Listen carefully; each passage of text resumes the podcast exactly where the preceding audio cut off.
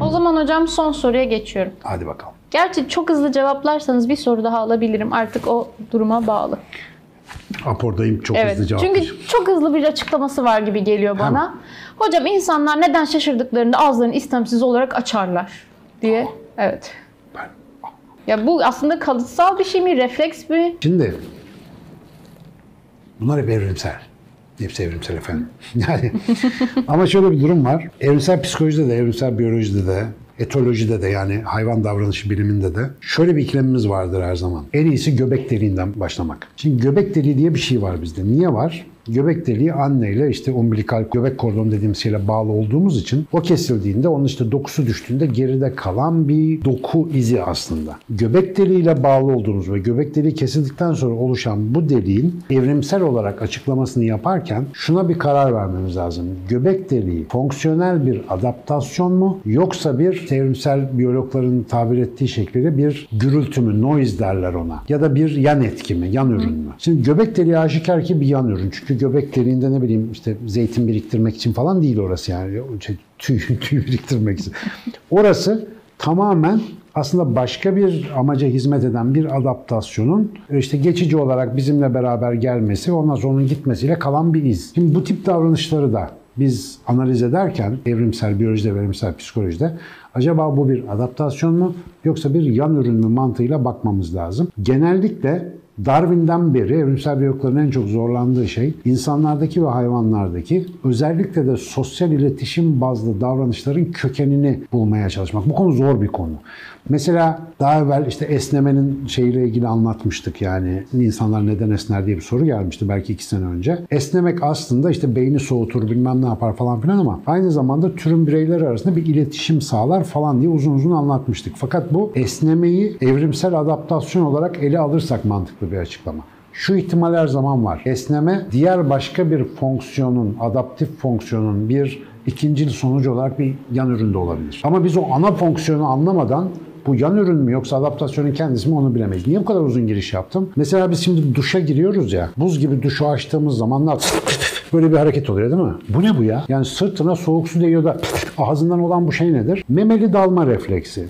Daha evvel anlatmıştım. İşte sucul memelilerde, su aygırlarında, foklarda, yunuslarda, balinalarda kafa soğuk suya girdiği zaman kalp atışını yavaşlatan, ani nefes alma, inspirasyon yapan bir refleks bu. Niye? E, hayvan dalacak, nefesi alsın ki uzun süre işte suyun altında kalabilsin, işte yüzmesi falan mümkün olsun diye. Bizim de demek ki sucul memelilerle ortak bir geçmişimiz var. Zaten işte deniz ürünleri falan o yüzden bize iyi geliyor yedikçe. Ondan dolayı böyle bir refleks kalıyor. Şimdi bu refleks insan için artık adaptif bir refleks değil bir yan ürün. Yani biz duşu açtığımızda suya dalmıyoruz ama aynı suya dalma refleksini duş altında sergiliyoruz. Ya da eski günler geldi aklınıza.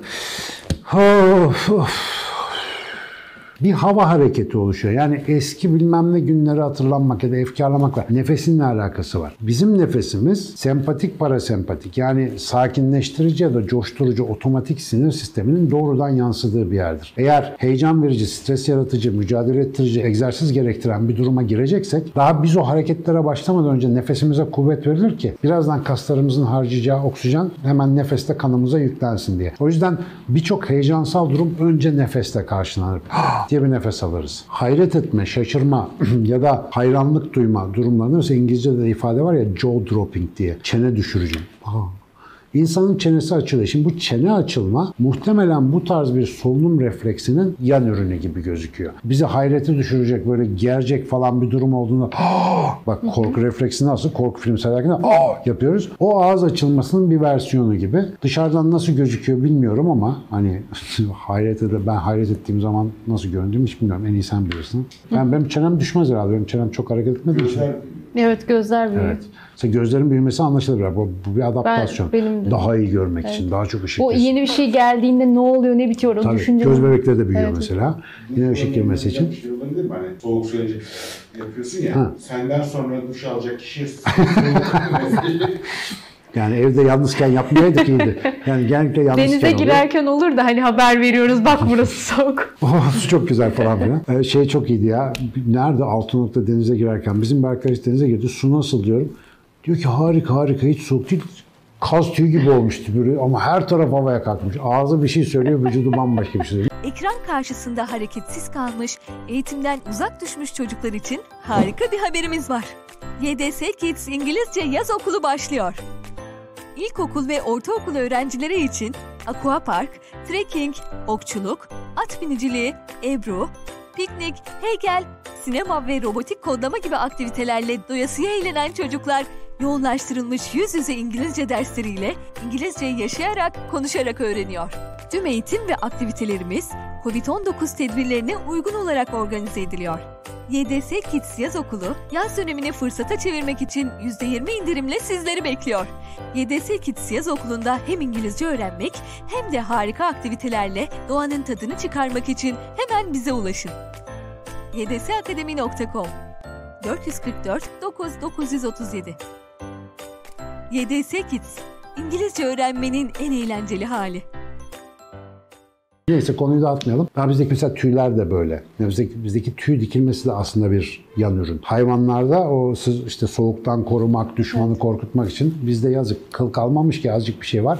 Onlar ancak işte sosyal iletişimde falan işe yarıyor. Bu arkadaşın yalan söylediğini anlayabiliyorum ben mesela. Dolayısıyla bu çene düşme gibi hadiseleri benim gibi birisine yani bir evrimsel biyoloğa sorarken bu konuda hep bir soru işareti taşımakta fayda var. Yaptığımız açıklamalar muhtemelen %100 doğru değil. Çünkü nereden baktığımıza göre çok değişiyor. Zaten evrimsel açıklamalar geriye dönük olarak yapmaya çalıştığımız yani olmuş olanı kurgulamaya çalıştığımız muhtemelen %100 hiçbir zaman doğru olmayacak ama makul, mantıklı olduğu sürece geçerli ve bize öngörü sağlayabildiği kadar mesela tıbbi bir ya da sağlık açısından bir öngörü sağlayabildiği kadar kıymetli olan analizler. O yüzden ha aslında sorun cevabı şey bilmiyorum. ama biraz uzatıyorum ben bilmiyorum demek için böyle kısacası. Bunu da anlatacaktım vesile olmuş oldu. Başka vakit var mı? Yok. Vallahi mı? Kısacık bir tane. Hadi hocam kısacık bir tane bakayım. Bak Hemen. 4 3 3 dakika, 2,5 dakika kaldı. İki buçuk Bu dakikamız sefer çok hızlı kaldı. cevaplayacağım. Ama Az çok kaldı. uzun gider bu sorunun cevabı Yok kısa bir hocam. tane. Sami sen söyle. Bir, bir şey bul. Televizyon nasıl çalışır? Elektrik. Hocam bir şey sorayım hemen. Televizyon iz- izlemenin uzun sürede e, negatif etki... Ne demişti? Hemen Ha, hocam bakıyorum. Tamam bunu hatırlıyorum. Buna kısa cevap verebilirim. Evet. Televizyon izlemek uzun sürede beyni Ha, yıllarca televizyon izlemek beyni nasıl etkiler? Ne izlediğinize göre değişir. Görüşmek üzere. Ama gerçekten öyle yani. Evet. Televizyon sonuçta sana bir takım enformasyonlar veren bir yer. Devamlı böyle Türk dizisi izlersen Türk dizisi olursun. Ama tutup da ne bileyim BBC belgeselleri izlersen, televizyonda YouTube uygulamasında açık beyni izliyorsan beynin açılır. Mis gibi olur bence. Yanlış mıyım?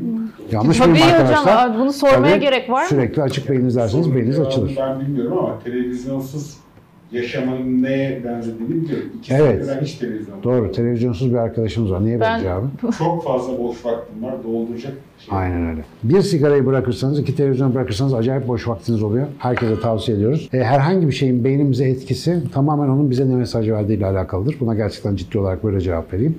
Dolayısıyla televizyon hem nimet hem külfettir. İnternet hem nimet hem külfettir. Yemek hem nimet hem külfettir. Onu nasıl hayatınıza soktuğunuza bakmamız lazım diye düşünüyorum. Galiba cevap verebildim Evet. diye düşünüyorum. Hocam sadece şey ilginç oldu. Biraz önce espri niyetine evet sürekli bizi izleyin derken bir çekimimizde de bir videoda da şey dedi. Ya bizim izleyeceksiniz sürekli. Tam Ama orada bizim soru- Hayır hayır hocam tam şeyimizi doğru. gösterdik hani e, bu değişim halimizi. Biz her gün değişebiliriz hani. Bunu Ama yorumluyoruz. hayır, karı koca da bizi izlemeyin. Tekrar buradan vurgulayayım. Yani böyle sürekli evde romantik romantik işte yemek yiyip böyle birbirinin gözüne aşkla bakmak varken her günde açık beyin izlenmez. Tamam günde bir kere izleyin, yarım saat izleyin falan ama bütün gece olmaz.